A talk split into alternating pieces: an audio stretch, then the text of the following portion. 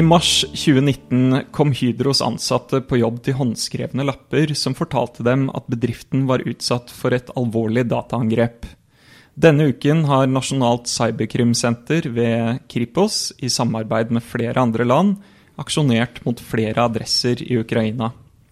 Målet har vært personer tilknyttet det nettverket vi mener står bak angrepet mot Hydro, og over 1700 andre virksomheter verden over. I denne episoden skal leder for seksjonen for datakriminalitet, Håvard Aalmo, fortelle mer om denne aksjonen. Og først, Håvard, hva kan du egentlig si om det som har skjedd i Ukraina?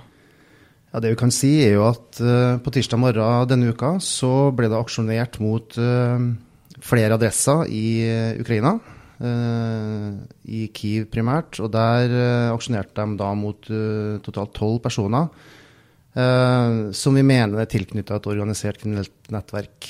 Uh, og som har involvering uh, med de ulike dataangrepene som vi etterforsker, men som også da de andre internasjonale partnerne har egne saker på.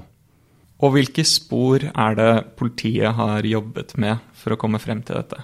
De sporene vi har jobba med gjennom etterforskninga, er for en del de, de sporene som ble sikra fra Hydro etter selve angrepet. Eh, der er det store mengder data som blir sikra fra deres datasystemer. I tillegg så har vi jobba med, med, andre land sine data. Eh, Dette er jo en internasjonal etterforskning, og vi har eh, delt våre funn og våre resultater mellom de ulike landene, sånn at vi kunne ha sett sammenhenger og, og hjelpe hverandre med analysene. Og Det er summen av alle de her eh, undersøkelsene, eh, både av nettverk, av skadevaren, av eh, type inngangsvektorer som er brukt i disse ulike angrepene. Det er summen av de analysene da, som har gitt oss spor som har pekt da, i retning av dette miljøet som vi nå har aksjonert mot i Ukraina. Hvor viktig er det internasjonale samarbeidet i, for denne saken? Nei, Denne typen kriminalitet er jo, er jo, internasjonal. Det er ingenting som skjer på ett sted. Den, eh, den, eh, styres fra ulike eh, land. Miljøene er spredt over hele verden. Sånn at internasjonalt samarbeid er helt avgjørende for å lykkes. Og I vårt tilfelle så oppretta vi umiddelbart kontakt med Europol. Um, og vi oppdaga fort at det var flere andre land som hadde nasjonale etterforskninger som hadde linka til vår sak. Og det ser vi egentlig i flere saker, at, at uh, samme kriminelle miljø da, har, er involvert i, i, ulike saker på tvers av landegrensene. Derfor er det internasjonale samarbeidet helt avgjørende, så at vi kan jobbe felles da, mot et uh, samla mål. Hva er veien videre i etterforskningen av disse dataangrepene? Nå har vi jo aksjonert denne uka i Ukraina, og da har man eh, sikra eh, materialet. Man har sikra datamaskiner, telefoner og, og, annen type data. Eh, nå vil man sette seg ned og jobbe videre med analysen av beslagene. Eh, se hva som ligger på dem. Eh, se mulighetene for å, å se knytninger i de sakene vi etterforsker.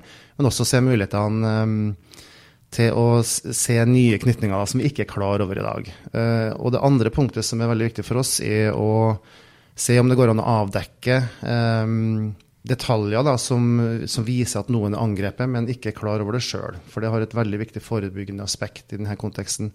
Uh, det har vi flere eksempler på gjennom vår etterforskning, at vi oppdager da, at firma eller privatpersoner har blitt infisert, men de har ikke blitt angrepet nå. Uh, og da er det veldig viktig for politiet å kunne varsle dem, sånn at de har muligheten til å rydde opp og sikre sine egne systemer. Så det er også en viktig del av det videre arbeidet med de analysene som gjøres i saken. Hva slags personell er det vi har i Ukraina nå? I Ukraina så har vi et team bestående av etterforskningsledere. Vi har eh, teknikere fra Kripos. Vi har Liasonna, som da jobber med samarbeidet internasjonalt. Um, og så har vi påtale.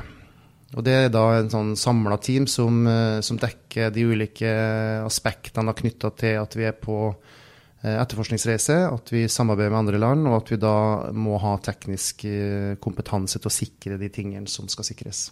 Hvorfor har denne etterforskningen tatt så lang tid? Denne type sak er, er, veldig komplisert. Det er veldig teknisk avansert uh, materiale man jobber med. Uh, det er store datamengder som skal gjennomgås. Uh, man ser at de kriminelle benytter seg av anonymiseringstjenester, krypteringstjenester, som gjør at det er veldig teknisk komplisert å jobbe med det. så det tar tid å få, få oversikt over materialet, og så skal man se sammenhenger. Og det å jobbe internasjonalt er eh, det er veldig viktig, men det er også litt utfordrende. For det krever jo at, eh, at man da eh, får et godt samarbeid med de ulike landene, deres måte å jobbe på. Det kan være ulike juridiske regler som gjør at det er noen hindringer vi må komme over. Og alt det her tar litt tid. Men hovedgrunnen er nok at det er store mengder data. Uh, som må gjennomgås. Uh, ofte så sier vi at vi leter litt etter nåla i høystakken. Uh, det tar tid, men i noen tilfeller så finner vi nåla, og da er det litt viktig at vi har den utholdenheten til å stå og løpe ut. Og denne reaksjonen er jo ikke slutten på saken. Dette er bare et taktskifte og en milepæl. Nå har vi kommet så langt at vi har klart å aksjonere mot fysiske personer. Men det betyr jo bare at det er mer arbeid som gjenstår eh, med analysen av, av det beslaget som er funnet denne uka. Og jobbe videre for å se eh, hva vi kan finne da, for å styrke eller avkrefte mistanken mot de vi har uh, aksjonert mot, og eventuelt uh, gå på andre objekter da, i det her kriminelle nettverket.